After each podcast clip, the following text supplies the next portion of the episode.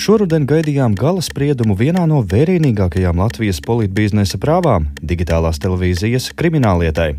Taču tā vietā, lai pieliktu punktu 13 gadus ilgajai tiesvedībai, augstākā tiesa iepriekšējās instances spriedumu atcēla un lietu nosūtīja jaunai izskatīšanai. Kas tiesu sistēmā ir nogājis greizi, un vai pēc tik gariem tiesāšanās gadiem vispār iespējams taisnīgs iznākums? Par to nākamajā pusstundā raidījumā Atvērtie faili.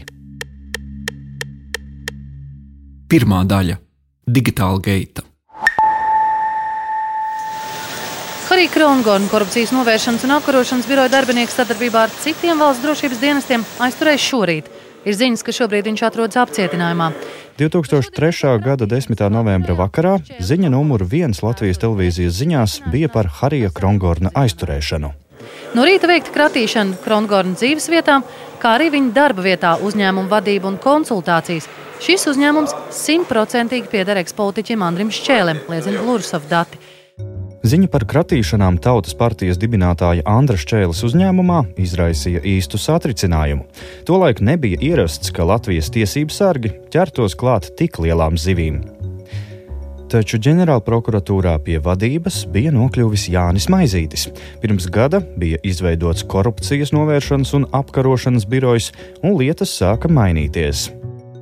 Likumsargi prokurora Edvīna Piliksera vadībā sāka izmeklēt darījumus par digitālās televīzijas ieviešanu Latvijā, kuri raisīja aizdomas par krāpšanu, bet aiz tiem vidēji prominentu politikas un biznesa cilvēku uzvārdi. Krimināllietas pamatā ir kāds 2002. gadā noslēgts līgums. Digitālās apraides ieviešanai Latvijas valsts bija izveidojusi uzņēmumu Digitālais Latvijas radio un televīzijas centrs. Taču tas nevis pats ķērās pie uzdevuma izpildes, bet iesaistīja starpnieku - Britu pastkastītes firmu Kempmajer Media Limited. Līgums ar Kempmajeru paredzēja, ka valsts tam pirmajā posmā vien samaksās vērienīgu summu - vairāk nekā 53 miljonus ASV dolāru. Lieta tika uzsākta konstatējot, ka ir noslēgts šāds līgums, par kuru neviens ne, nebija informēts. Acīm redzot, no tā brīža augstākām amatpersonām un arī citām personām, nemaz nerunājot par sabiedrību. Ja, un... Vēsturē atskatās viens no lietas prokuroriem Monvīts Zelčs. Piliksers, kurš vadīja izmeklēšanu, pa šo laiku ir devies pensijā. Tāda apmēra līgums tika noslēgts ar kompāniju, kurā faktiski nekāda saimnieciska darbība nebija veikusi. Līgums tika noslēgts ar viltu, izmantojot uzticību. Tad eh, tika maldināts satiksmes ministrs, pilnvarnieki. Prokuratūras ieskatā ideja par digitālās televīzijas ieviešanu dzimusi bijušā telekanāla LNT šefa Andreja Ēķa galvā. Viņu arī uzskata par vienu no schēmas organizatoriem.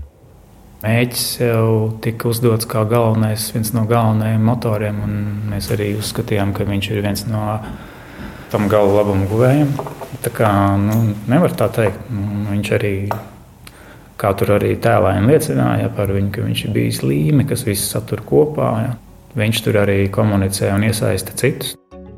Sapratis, ka bez politiskās aizmugures nespēs visu saregulēt sev par labu, ēķis caur Jurģa Liepnieku uzaicinājis projektā iesaistīties Andriu Čēli. Kempmajer patiesā labuma guvēja bija noslēpti ārzonās, bet vairākas krimināllietas materiālos esošās liecības lika domāt, ka tā bija tieši šī trijotne. Nu, būsim godīgi, pasakiet tautai, šķēlēm nepiedara Kempmajers? Nepiedara. Un, un nemaz daļiņa no Kempmajera? Un nepiedara, un nav piederējis. Latvijas amatpersonu sākotnējie stāsti, ka Kempmajer īstenojas līdzīgus projektus Īrijā, Vācijā un Singapūrā, izrādījās meli. Firmai vispār nebija nekādas pieredzes. Kā tur Nu, mēs pierēķinājām, ka tikai par tiem uztvērējiem vien viņi kā, ja 30 miljonus pār 35 tikai par, par uztvērējiem, tikai tāpēc, ka uztvērēja cena bija samainīta, respektīvi lētākie. Dārgāko cenu bija iekšā, nu, kā, un paredz samainīja lētākiem uzt, uztvērējiem faktiski. Nu, spūstvērtiem. Nu, jā. Man radās pārliecība viennozīmīgi, ka tā ir afēra un, un, un tur ir krāpšana. Un, nu, gribēju teikt, nokamīt latviešu sakot, vai ne, krieviski sakot, kārtīgi naudas šūksni. Bet, Un tāda lieta grūti, diezgan grūti pierādīt. Tolaik Latvijā nebija pieredzes ar šādu lietu izmeklēšanu. Tiesību sargi pirmo reizi rakstīja tiesiskās palīdzības lūgumus ārvalstīm. Kā raksturo prokurors Monvīds Zelčs, bija te jau ar pirkstu jāvelk līdzi katram līgumam, pirkuma summai un katram lēmumam. Nu jā, nu viss tas jautājums, tas līgums tika sakārtots attiecīgi tā. Vairākas cilvēku grupas, tur juristi, jā, tad tie, kas tur to saliek iekšā tos skaitļus, jā. Tad tie, kas bija tālāk, lai var akceptēt satiksmes ministrijā, lai tur dabūtu zaļo gaismu, šai gadījumā bija vajadzīga šī pilnvarnieku piekrišana jā, šiem līgumiem. Bet nekāds konkurss jau nebija. Jā, tas arī ir interesanti. Un tad jau paskatoties, kas tā pa firmu jau arī jautājumi jau uzreiz aizdomīgi ir. Kāpēc ar viņiem, jā, kas viņi tādi, no kurienes viņi tas viss tas tiek šķetināts, šķetināts, šķetināts. Jā. Kas tur stāv apakšā, kas tur nu, kas ir dalībnieki, dalībnieki, dalībnieki kas piedalās līguma slēgšanā, kas sastāda līgumus. Vai šie cilvēki saistīti kādā veidā ar akcionāriem, ar tiem, ar tiem. Pēc vairāku gadu izmeklēšanas lieta tiesā nonāca 2007. gadā. Uz apsūdzēto soli sēdās 20 cilvēki. Šķēles viņu vidū nebija, bet bija viņa sabiedrisko attiecību speciālists Jurģis Liepnieks, grāmatvedis Harijs Krongorns, advokāts Jānis Loze, jau pieminētais ēķis un citi. Rīgas apgabaltiesā vispirms lietu iztiesāja tiesnesis Juris Stukāns, kurš tagad ir ģenerālprokurora amatā. Rīgas apgabaltiesas krimināla lietu tiesas koledžas tiesnesis Stukāns. Tiesas process pirmajā instancē ilga septiņus gadus. Andreju Ēķiem atzīt par vainīgu nodzīga nodarījuma izdarīšanā, Jurģi Liepnieku atzīt par vainīgu noziedzīga nodarījuma izdarīšanā, Cietumsodu kopumā piesprieda septiņiem cilvēkiem. Bargāko trīs gadu cietumsodu saņēma Šķēles uzņēmuma darbinieks Krongorns un Kempmajera Latvijas meitas firmas valdes locekļi Jānis Svārpstons un Andrejs Zabeckis. Nu, tāpēc, ka viņi bija tie, kas eh, bija tur no, noformēti pa kas viņi tur skaitījās, tie labumu guvēji vai nu jā, labumu guvēji tajos offshore, tur starpnieku uzņēmumos. Mm. Par rēķi runājot, neviens dokuments jau nebija to, ka viņš tāds tur bija, var izsecināt no nu, netiešiem pierādījumiem. Komentē prokurors Zelčs. Vēl vairākiem apsūdzētajiem piesprieda naudas sodus un lika atmaksāt noziedzīgajā darījumā iegūtos līdzekļus. Dažus attaisnoja. Es uzskatu, ka tur ir noziegums, un tos, tas personas, kuras es notiesēju, es uzskatu, ka viņi bija izdarījuši noziegumu. Nu, šobrīd vēl punkts nav pielikts. Un starp citu, arī apelācijas instancē daļai tur papildus attaisnoja, bet eh, lielāku daļu arī notiesāja līdz ar to. Tātad eh, tajā jautājumā, ka noziegums ir noticis, eh, pirmajā un apelācijas instancē nav domstarpību. Tagad saka Juris Stukāns, pirmās instances sprieduma autors. Taču ar Stukāna spriesto nemierā bija gan prokuratūra, gan apsūdzētie. Neviens no viņiem savu vainu nekad nav atzinis. Spriedums tika pārsūdzēts un vēlreiz nonāca Rīgas apgabaltiesā, bet nu jau kā apelācijas instancē. Arī tā secināja, ka notikusi krāpšana, un kopumā deviņus cilvēkus atzina par vainīgiem. Sodus gan nedaudz samazināja, līdzīgi kā pirmā instance, saskatot saprātīga lietas izskatīšanas termiņa pārkāpumus. Tagad, vēl pēc trim gadiem, lēmums pieņemts arī apelācijas instancē. Pieciem jau iepriekš attaisnotajiem pievienosies vēl četri biznesa konsultanti. Apelācijas tiesa attaisnoja vēl četrus cilvēkus. Visus valsts deleģētos pilnvarniekus Latvijas valsts radio un televīzijas centrā, kuriem projekts bija jāuzrauga. Pazīstamākais no viņiem ir vēlākais Latvijas Nacionālā teātra direktors Ojārs Rubēnis. Prokurors Zelčs ir nemierā tikai ar divu cilvēku attaisnošanu. Viens no viņiem ir advokāts Mārtiņš Kvēps, kuru apsūdzību uzskata par Kempmajera līguma autoru, otrs Kempmajera Latvijas firmas valdes priekšsēdētājs Juris Ulmanis. Abus attaisnoja jau pirmajā instancē. Tiesa uzskatīja, ka Ulmanis, parakstot Kempmajera līgumu, ir uzticējies valdes locekļiem Svārpstonam un Zipam. Savukārt Kvēps tikai kā advokāts sniedzis pakalpojumus citiem apsūdzētajiem. Lai kāds būs tiesvedības turpinājums, attaisnotie jau tagad var aizmirst par šo tiesvedību. Viņiem lieta ir beigusies. Tā īsi sakot, es uzskatu, ka tas ir vienkārši nu, senāts vienkārši ir atrakstījis šo jautājumu. senāts pierādījums pēc būtības nevērtēt, taču protestā bija norādīts konkrēti 32 pierādījumi, no kuriem 5 tikai bija atrunāti apelācijas tiesas spriedumā.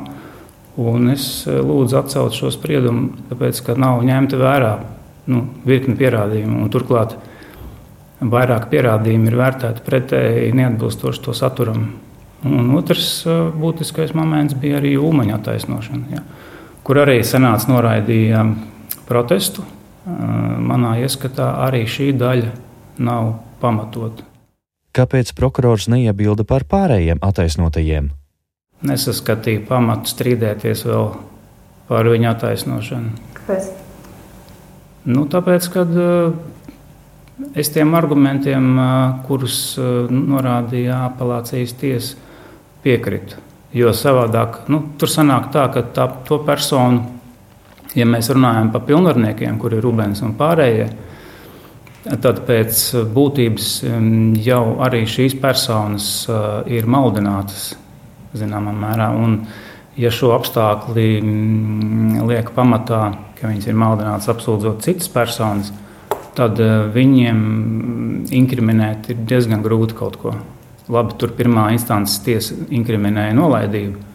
Tas ir arī zem jautājumiem. Bet jūs visus šos gadus uzturējāt viņiem apsūdzību šīm personām? Bet saprotiet, mainās viedoklis laika gaitā, un ne tikai par šo lietu. Nu, daudzās lietās tā ir. Jums sākumā liekas, ir tā, un varētu būt tā, bet kad jūs paskatāties, varbūt kāds cits paskatās un, un paskatās no citas puses, un jūs redzat, ka varbūt tie argumenti ir pamatoti nu, tad nav jau jēgas principiāli strīdēties, ja, ja tu piekrīti. Tomēr Zelčs uzskata, ka pilnvarnieki nebija apsūdzēti bez pamata.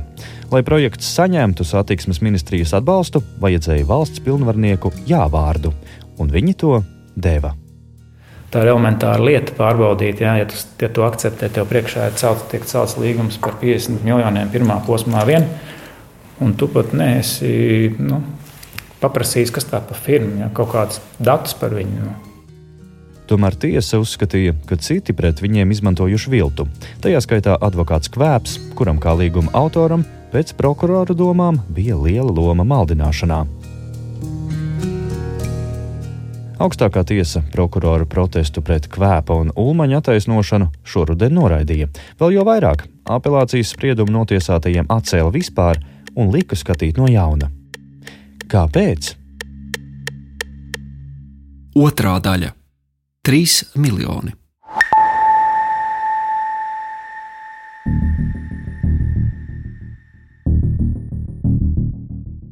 Augstākās tiesas senāts šo lietu skatīja rakstveidā triju tiesnešu sastāvā.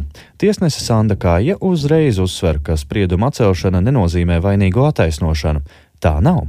Augstākā tiesa, skatot lietu kasācijas instancē, nevērtē pierādījumus, bet gan skatās, vai iepriekšējās instances ir ievērojušas likumu. Un šajā gadījumā augstākā tiesa faktiski ir pateikusi, ka apelācijas tiesas spriedumā ir brāķis.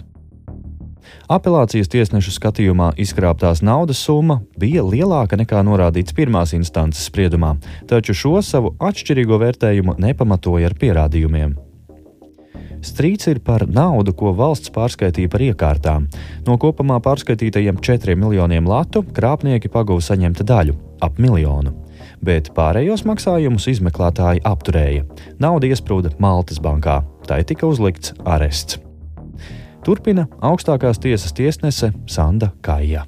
Pirmā instance uzskatīja, ka izkrāpta ir summa virs viena miljona latu, respektīvi daļa no summas, par ko tika noslēgts līgums.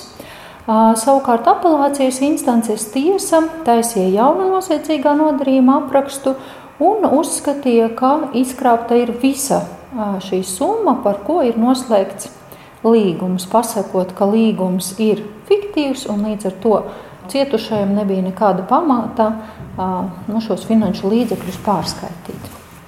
Bet, diemžēl, apelācijas instances tiesa nu, nepamatoja šo savu pozīciju. Un vēl viens būtisks atcelšanas iemesls bija attiecībā uz krimināla procesa aizskarto mantas īpašnieku.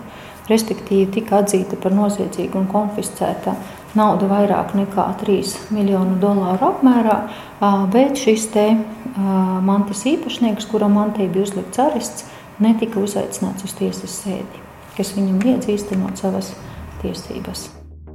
Tiesvedības laikā bija mainījies likums un parādījusies norma, ka aizskartās mantas īpašniekam ir tiesības pieteikt lūgumus tiesā, iesniegt pierādījumus, piedalīties debatēs un tā tālāk. Taču apelācijas tiesa to nebija ņēmusi vērā un aizskartās mantas īpašnieka juristu uz tiesu neuzaicināja. Tiesnese kā iesaka, tiesai ir jāseko līdzi izmaiņām likumos un jāņem tās vērā. Viņa piekrīt, ka lieta ir sarežģīta, taču tas neataisno kļūdas, komentē Sanda Kāja. Interesanta, sarežģīta, ļoti smaga, teiksim, arī to schēmu saprast katras personas loma tajā, vai tā darbība, ko persona ir veikusi, vai tā ir noziedzīga vai nav, vai ir visas noziedzīgā nodarījuma sastāva pazīmes. Vēl viens atcelšanas iemesls, taisot šo te jaunu noziedzīgā nodarījuma aprakstu attiecībā uz vienu personu, neiekļāva norādi uz šo mankārīgo nolūku. Tad līdz ar to nu, šis mankārīgais nolūks vairs personai nevar tikt inkriminēts. Nu, tiesas neuzmanība, tiesas neuzmanība jā, pie šī milzīga apjoma, jā, bet nu, tiesai nedrīkst būt nu, šāda neuzmanība.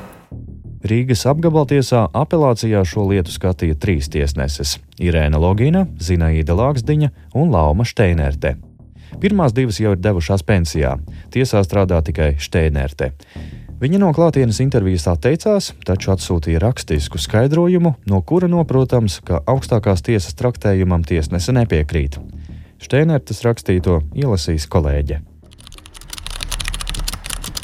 Rīgas apgabala tiesas krimināla lietu tiesas kolēģijā sagatavotais nolēmums bija ļoti apjomīgs un sarežģīts. To sagatavojot, sniedzām mūsu ieskatā nepieciešamo motivāciju un vērtējām pierādījumus. Sniedzām arī savus motīvus, kāpēc grozīts iegūto finanšu līdzekļu apmērs, piekrītot prokurora protestā norādītajam. Par aizskartās mantas īpašnieka tiesībām tiesnese Steinerte norāda, ka attiecīgie likuma grozījumi stājās spēkā, kad tiesvedībā jau bija sākušās debatas. Tiesas debašu laikā neviena no procesā iesaistītajām personām nepieminēja minētos likuma grozījumus, un neviens nelūdza aicināt uz tiesas sēdi kādu personu, kura likumiskās intereses šajā krimināla procesā būtu tikušas aizskartas.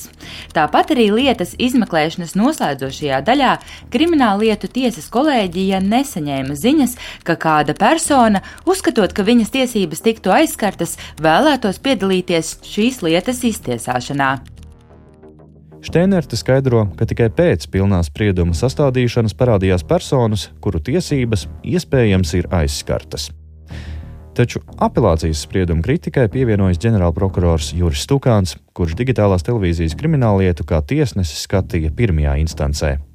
Nu, jā, nav kvalitatīvi izdarīts darbs. Kāpēc? Kā es varu zināt, pajautājiet apelācijas instancei, kāpēc viņi neizdarīja kvalitatīvu darbu. Varbūt nepietika prāta, nezinu. Ja mēs lasām augstākas tiesas lēmumu, tad tur skaidri gaiši pateikts, ka apelācija ir nekvalitatīvi paveikusi savu darbu. Nu, es uzskatu, ka mans spriedums bija pareizs. Punkts. Es izlasot augstākās tiesas lēmumu neredzēju, ka tur būtu norādīts kaut kas, ka pirmā instance būtu nepareizi kaut ko vērtējusi. Vai no atbildības tomēr nav izsprūcis galvenais schēmu organizators? Prokurors Zelčs par to vairs neredz jēgu runāt. Šī lietā uz apsūdzēto soli sēž visi, kuri varēja sēdēt, vai ir kāds, kurš nesēž, pēc kuram bija jāsēž? Atkal tas pats. Lai arī apsūdzības izpelnījās vairāki Andra Šķēles līdzgaitnieki un daži liecināja, ka rīkojās Šķēles interesēs, juridiskus pierādījumus viņa vainai tiesības sargi neatrada. Par to, ka darbojies bijušā premjera uzdevumā, apelācijas instancē sāka liecināt, piemēram, Šķēles nodokļu konsultants Uldis Kokins. Gada sākumā un šajā nedēļā to pašu tiesā minēja nodokļu konsultants Uldis Kokins. Mans klients bija advokātu birojs. Taču faktiskie darba uzdevumu devēji bija advokātu biroja klients Andris Čēle un Harijs Kronkorns. Kokins liecināja, ka Šķēle un viņa pārstāvis Krongorns devuši darba uzdevumus, tostarp par nodokļu optimizācijas iespējām un preču piegādes struktūras izveidošanu. Pēc 2003. gada 10. novembra nopratināšanas knaba Jāņa Lozes kategoriskā prasība man neatklāt Andrēs Čēlis jebkādu saistību ar digitālās televīzijas izveidošanu un neliecināt par Andrēs Čēlis un Harija Krongorna darbībām šajā sakarībā. Viennozīmīgi apliecināja, ka Andris Čēle un Harijs Krongorns ir tās personas, kuru uzdevumā un kuru interesēs saistībā ar digitālās televīzijas projektu pakalpojumus sniedza advokātu birojas. Tā Rīgas apgabaltiesai skaidroja Kokins. Arī Loza tiesvedības gaitā sāka liecināt, ka darbojies sava klienta šķēles interesēs. Tiesa šīs liecības neņēma vērā. Bet jūs piekrītat tam tiesas lēmumam? Kuram lēmumam? Attiecībā uz šķēli. Nē, protams, nepiekrīt. Tam par to jau vairs nav jēgas runāt. Tāpēc, tas jau ir nu, pagājis, un tur jau arī būs noilgums. Uz to brīdi tas vēl varēja, tur vēl varēja kaut ko darīt, tur vēl bija kaut kāds termiņš, ja, teorētiski. Bet, nu, nu, tā arī paliek vienkārši šķēles kungs samaksāja šo naudu atpakaļ visu. Ja. Prokurors Zelčs runā par vēl vienu zīmīgu epizodi. Tieši šķēle aizdeva naudu, lai norēķinātos par šīs krimināllietas darījumos nopirktajām iekārtām. Vēl pirms krimināllietas nonākšanas tiesā, mainoties varai, digitālais Latvijas radio un televīzijas centrs vērsās Stokholmas šķīrētiesā un lūdza atzīt par spēkā nēsošu līgumu ar Kempmajeru, jo valsts puse esot maldināta par Kempmajeru pieredzi ciparu televīzijas ieviešanā. Kā jau minējām, patiesībā šī firma bija tikai čaula, fiktīvs kantoris. Un tiesa lēma, ka Kempmajer jāatmaksā valstī pārskaitītie vairāk nekā 5 miljoni eiro. Tos samaksāja Andrejs Ēķis par šķēles aizdotu naudu. Taču Kempmajer jau bija nopircis digitālās televīzijas iekārtas un šo naudu negribēja zaudēt. Cilvēki, kas stāvēja aiz šiem darījumiem, panāca, ka vēlāk digitālo televīziju Latvijā tomēr ieviesa ar tām pašām Kempmajer iekārtām. Par to ierosināts cits krimināla process, kurā šoruden prokuratūra uzrādīja apsūdzības uzņēmuma tēta vadītājam Jurim Gulbim un vēl četriem cilvēkiem. Šķēles viņu vidū nav. Nu, ļoti ietekmīgs cilvēks. Jā. Viens no, es domāju, arī šodien ietekmīgākajiem. Šis ir starp citu, es domāju, viņa viens tikai no viņa jā, entajiem biznesiem, bet nu, šeit viņš vismaz dabūja nu, mazliet tā kā pa pirkstu, tā kā jau varbūt bišķiņ tā tēlēni runājot. Atzīst prokurors Zelčs. Šķēlēm nācās liecināt tiesā. Savu saistību ar krimināllietā iztirzātajiem darījumiem viņš noliedza un stāstīja, ka interese par digitālās televīzijas projektu radusies tikai vēlāk. Viņš būtu iegādājies digitālo Latvijas radio un televīzijas centru vai Kempmajer, ja varētu iegūt kontroli kādā no šiem uzņēmumiem, taču tas nesot izdevies. Trešā daļa - garā prāva. Nu, tur bez variantiem nu, tas es nezinu, kā var būt saprātīgi, ja paiet gadiem, gadiem un nevar izvērtēt vai nevar saka, izskatīt lietu. Saka Stukāns. Savukārt Zelčs norāda, tāds ir šī brīža likums. Tas, kad ir jāsauc cilvēku, vēlreiz jāpratina, jāveic tas pats, kas pirms tiesas laikā. Nu, faktiski ļoti lielā mērā, ja ne pat tuvu 100%, tika respektēta uh, apsūdzēto privātā dzīve, darba dzīve. Nu, līdz ar to nu, tas arī paildzina šo laiku. Ja. Es atceros, pirmās instances tiesnesis jau vienā no, vienā no sēdēm skatot šādu lūgumu, pat teica, ka uh, mēs noņemsim to sēdi no izskatīšanas, bet nu, tad arī nu, nesūdzieties pēc tam, kad ir saprātīgi termiņa pārkāpuma lietā. Sava atbildības daļa par ilgo tiesvedību ir arī tiesai. Apelācijas tiesa divreiz pagarināja spriedumu sagatavošanas datumu, lai gan likums to ļauj darīt vienreiz. Senatore Kāja saka, Mēs to atzinām, ka ir pārkāpts likums, bet šis pārkāpums nav tāds, ka tieši šis iemesls izraisītu spriedumu atcelšanu. Bet nolēmumā arī tika norādīts, ka tas ir pamats jautājuma lemšanai par disciplināru atbildību tiesnešiem. Taču pie atbildības vairs nav ko saukt. Rīgas apgabaltiesas priekšsādātāja Daiga Vilsone norāda, ka ziņas par referējošās tiesneses Irēnas Loginas kavēšanos no citiem tiesnešiem saņemtas, kad Logina atradās darba nespējā. Vēlāk viņa pensionējās, līdz ar to pārbaudi neturpināja. Lietu kādu laiku neskatīja arī tāpēc, ka tiesnese slimoja.